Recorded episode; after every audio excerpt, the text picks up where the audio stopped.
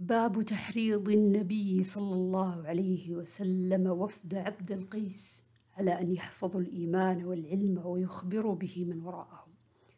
وقال مالك بن الهويرث قال لنا النبي صلى الله عليه وسلم ارجعوا إلى أهليكم فعلموهم. عن أبي جمرة قال كنت أترجم بين ابن عباس والناس فقال إن وفد عبد القيس أتوا النبي صلى الله عليه وسلم فقال من الوفد أو من القوم؟ فقالوا ربيعة قال مرحبا بالقوم أو بالوفد غير خزايا ولا ندامة.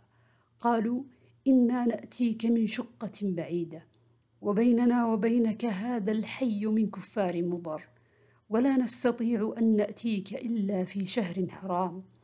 فمرنا بأمر نخبر به من وراءنا. ندخل به الجنة. فأمرهم بأربع ونهاهم عن أربع.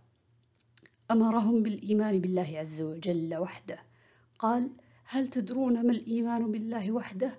قالوا الله ورسوله أعلم. قال شهادة أن لا إله إلا الله وأن محمد رسول الله وإقام الصلاة وإيتاء الزكاة وصوم رمضان وتعطوا الخمس من المغنم.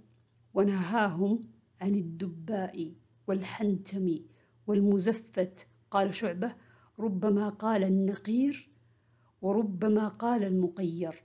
قال احفظوه وأخبروا من وراءكم وأخبروه من وراءكم.